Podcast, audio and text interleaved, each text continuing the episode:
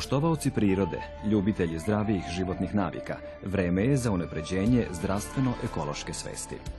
Za bolji i kvalitetniji život, za lepšu i čistiju planetu. Pravo je vreme da navijemo zeleni sat.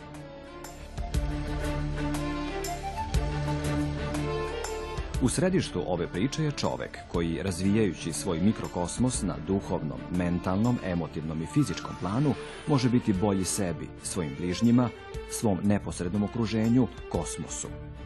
Priroda i kosmos dobro pamte sve što čovek čini. U ovoj emisiji gledat ćete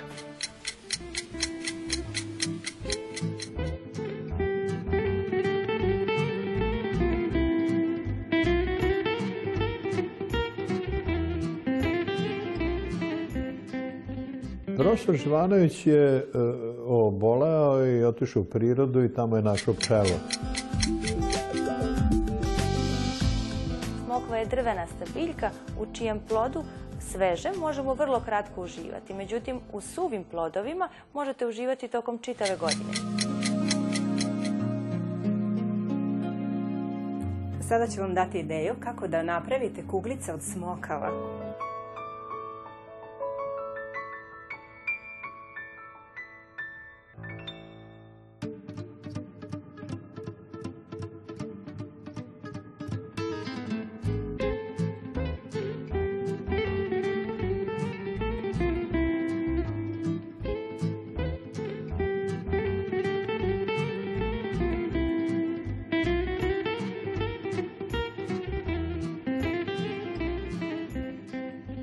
Profesor Živanović je e, oboleo i otišao u prirodu i tamo je našao pčelo. Naime, on je Karlovački đak, Karlovačke gimnazije, Bečki đak, prvi naš filolog, slavista, e, koji je došao u Karlovačku gimnaziju i na teologiju, da je bio teološki nekad fakultet današnje bogoslovije. To je posle tada gimnazije se išlo na teologiju. To je jedini fakultet tada bio i dakle predavao na oba dve škole i pisao prve čitanke gramatike na vukom jeziku i tako. I crkveno-slovenska gramatika i danas postoji tamo u Bogosloviji. Dakle, imao jedan ozbiljan posao, bio je sobni očigledno čovek, e, ovaj, imunitet pao, e, obole ovaj, i poslati od Đorđa Natoševića, svog prijatelja, u Matej 4 km dalje, u voćnjak, kao lakše će tamo, u prirodi. Tamo mu je Anton Lutrov iz Vajske, koji bi šef imanja, rekao neš imati profesore voća ako nema pčele da opraši. I tako je on kupio prvi osam košnica, mada ovaj, u literaturi, tamo gde on objašnjava kako je postao pčelar, kaže, kad čujem da nekog ubo, ubola pčela tamo negde, jel da, meni poziv, kaže, tako sam bio slab.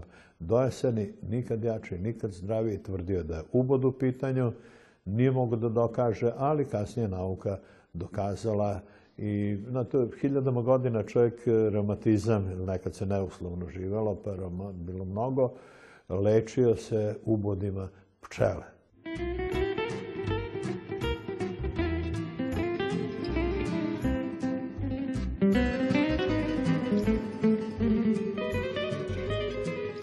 Hiljadama godina je pčela ubijana da bi se iskoristila. Jel da? Čovjek se boja, 50.000 ozbiljno naorušanih ratnika i čovjek se toga bojao.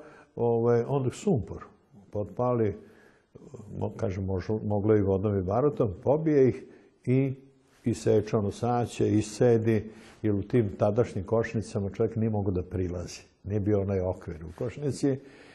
Javio mu je ovaj, verovši za okvir koji je napokon pronađen, ima nekoliko verzija. E, dakle, čovjek je hiljadu godina teo da spreči to ubijanje, ali nije našao način. Znate, eto, vidite, vrlo je prost taj okvir, ali je trebalo se setiti i ove, izvodite med, od major Hruška iz Češke, ove, Čehe, inače, pronašao onu centrifugu da se med isedi i prestalo je ubijanje, zato što Živanović je zove otac modernog pčelarstva, zato što on na ovim prostorima e, napravio prvu košnicu koja je pomogla ovom narodu da stane na noge. Jer narod je bio izuzetno siromašan, živilo se pod zemljom, to je bio onaj turski period, jel da, kad je bilo, nažalost, to veliko siromaštvo. A eto, video iz literature da kad god su se neki krajevi dizali, dizali su se na pčelarstvu i vinogradarstvo. A vinogradarstvo, i se e, odmah e, ozbiljnije počeo baviti, a to je vino Ausbruch.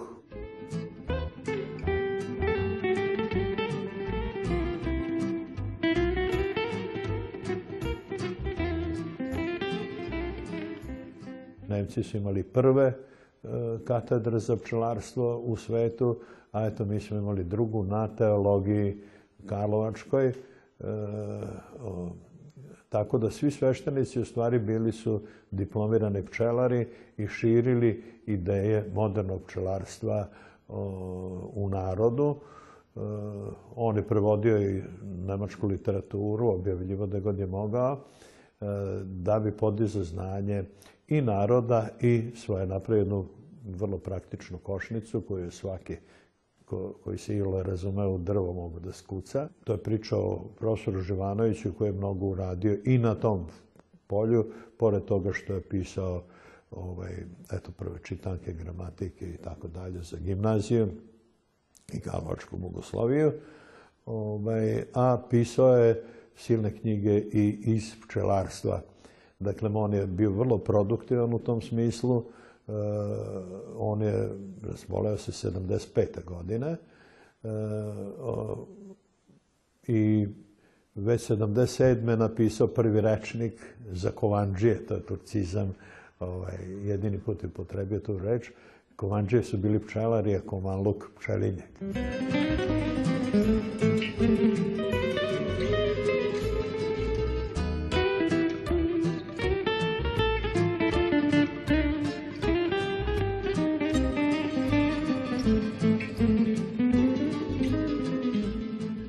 Treba se čuditi odakle Živanoviću ta moć da uradi e, mnogo poslova. Jel?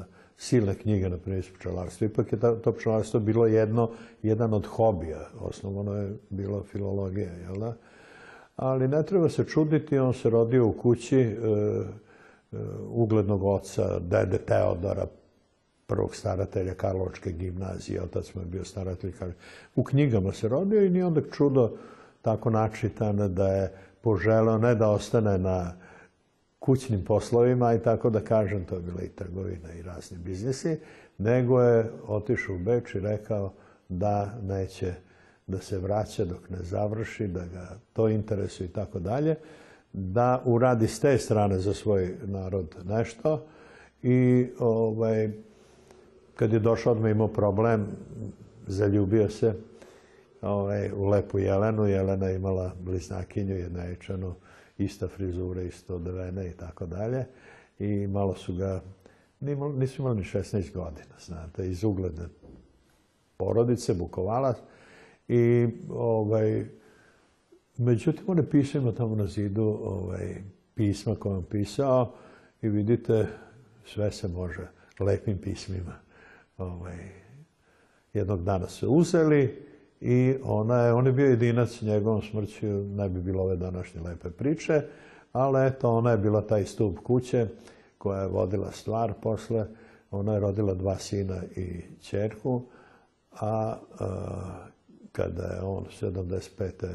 se razboleo i ozdravio, videći da mogla da izgubi sve to, ona je rodila još 12 dece, dakle 15 dece i danas ima mnogo potomstva profesora Živanovića.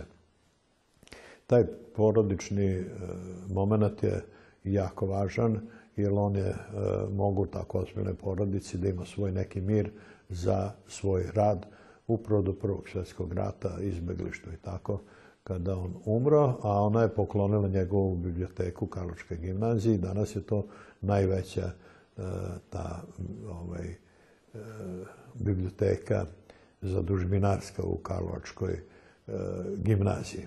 On je bio član Srpskog učenog društva, potom ovaj, jedan od osnivača Kraljevske akademije nauka.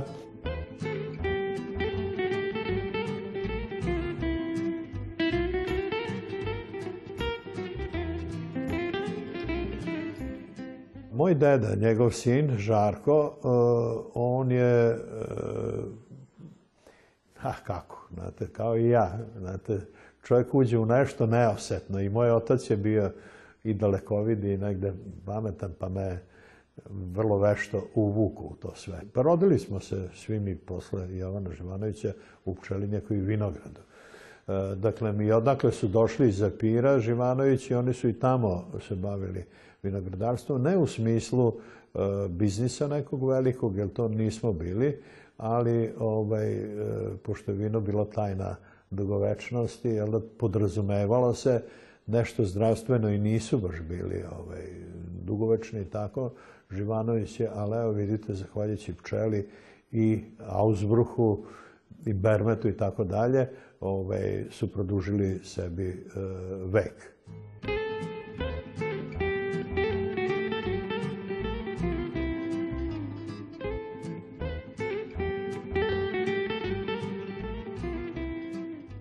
Onda je ovde u ulici Jovana Živanovića bila kuća koja se zvala Žarkovac po pčelinjaku koji je vodio njegov sin Žarko, jer je on bogoslovima držao predavanje iz pčelarstva, dakle praktično predavanje. Znate? Tako da je on od mladosti e, i od detinstva koji ja e, u pčelinjaku, jel da, i u vinogradima i on je to guro dalje, jel da, Živanović. Žarko i sačuvao dosta stvari i koliko god je to devastirano u nekom periodu posle drugog rata, ipak je tata dosta toga sačuvao i tako sam ja nastavio ovaj, da negujem to. Muzej je bio jednom trenutku u pitanju da će uopšte postojati i u toj jednoj prostoriji, jer kuća je prodata u kojem je u on bio, bilo sta siromašna vremena kad je rat krenuo i to zlo.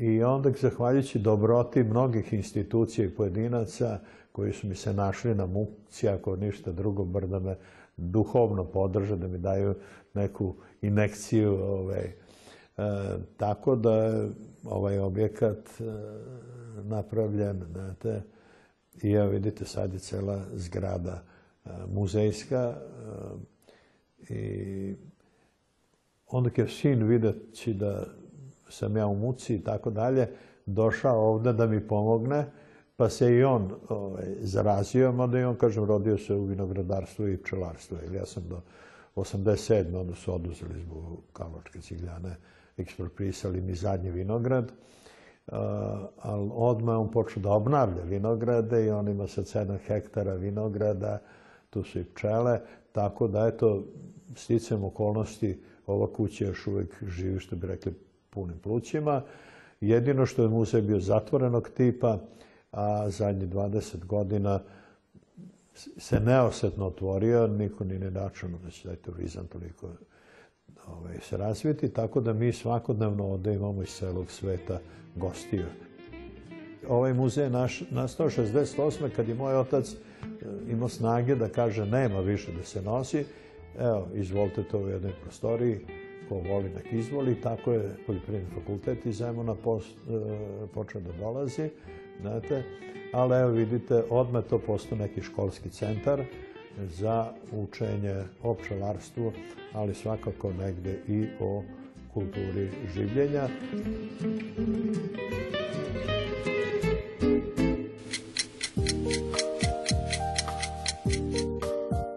Gledate Zeleni sat.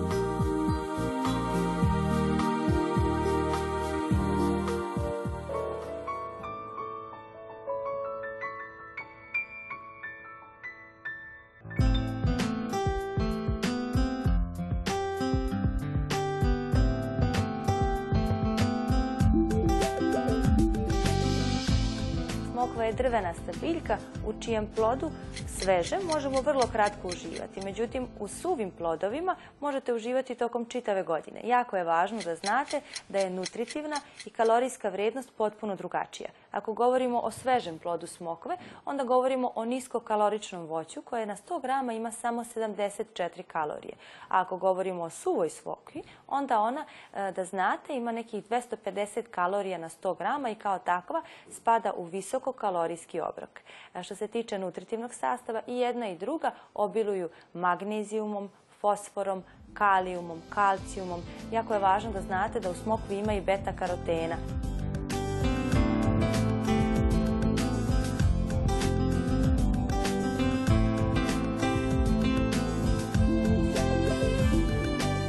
Možda ste čuli da je jednako koristan obrok za zdravlje očiju, ne samo šargarepa, nego baš i smokva. Najskorije istraživanja pokazuju da samo tri smokve na dan mogu ozbiljno smanjiti rizik od makularne degeneracije oka, koje je uzrok gubitka vida kod starijih osoba.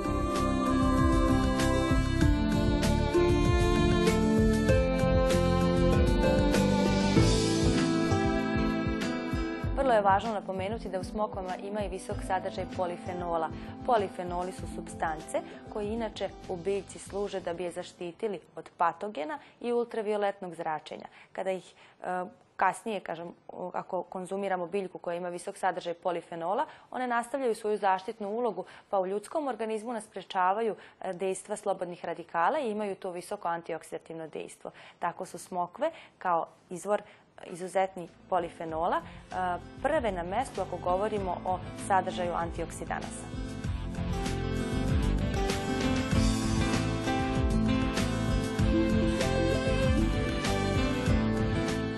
Kažu da na svijetu postoji više od 800 vrsta smokava koje biste vi trebali birati. E, možete odrediti po boji. Kažu da one smokve koje imaju intenzivniju, jaču boju, one imaju i više polifenola u sebi. Isto je važno naglasiti da smokve imaju mnogo više polifenola nego neke namirnice koje su popularne po sastavu istih, kao što su recimo crveno vino ili crni čaj.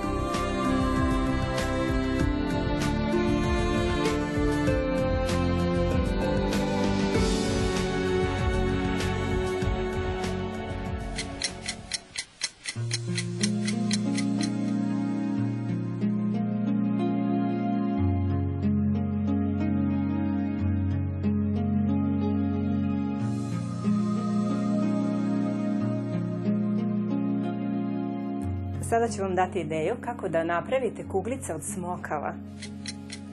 Smokve prethodno natopite jedno 10 do 20 minuta u vodi.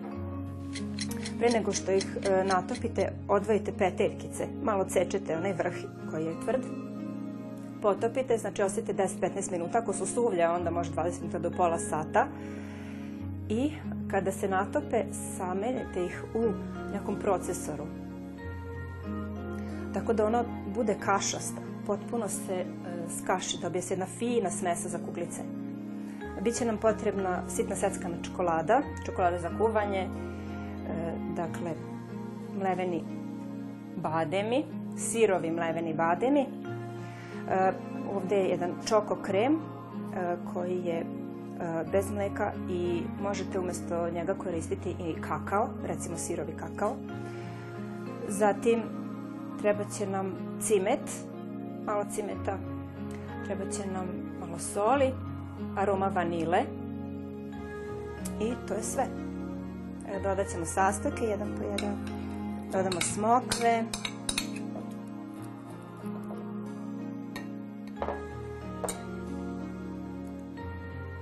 Čokoladu.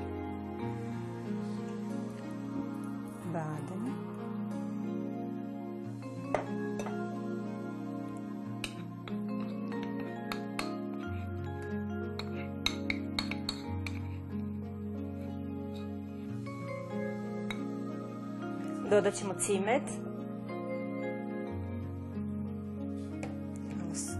Prstohvat soli.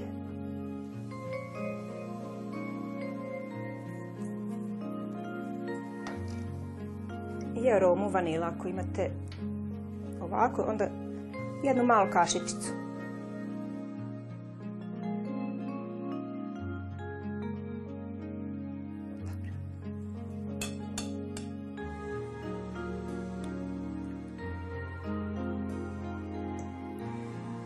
Sjedinit ćemo sve sastojke.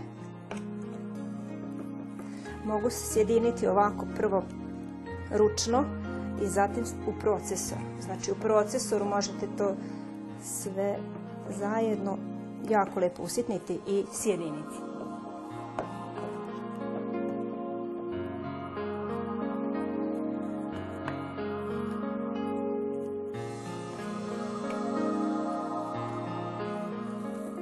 Dobro. Smesa od smokava i ostalih sastojaka je sada sjedinjena, homogena i možemo da pravimo kuglice. Mm. Mirišu smokva i čokolada i vanila. Uvaljamo kuglicu u mlevene bademe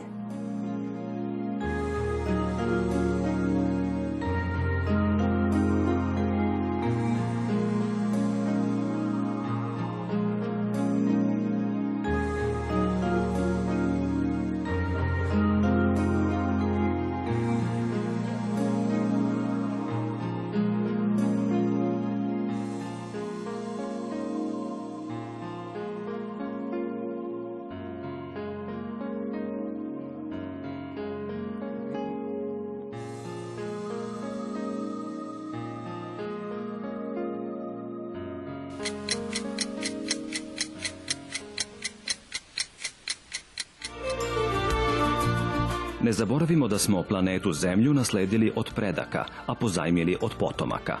Čuvajmo je živeće u skladu sa prirodom. Ne zaboravimo da su prirodnost, smirenost, iskrenost, skromnost, zahvalnost i dobrota vrline, ali ne budimo skromni u ljubavi, razumevanju, praštanju, humanosti, znanju, kreativnosti. Pokrenimo se, postanimo bolja verzija sebe. Ne zaboravimo da istinska lepota uvek dolazi iznutra i ne postoji bolja kozmetika od sreće, a sreća i radost su stanje duha, sada i ovde. I nikako ih ne bi trebalo dovoditi u vezu sa materijalnim okolnostima. Negujmo svoju autentičnost slaveći život, ma gde bili pod kapom nebeskom. Ne zaboravimo da genetska predisponiranost, način života kao i okruženje u kojem živimo svakako utiču na naše zdravlje. Ono je bogatstvo koje po pravilu ne cenimo sve dok ne počnemo da ga gubimo. Na njega možemo uticati svojim dobrim i lošim navikama. Kako ćemo živeti, izbor je na nama. I naravno, ne zaboravimo da redovno navijamo zeleni sat.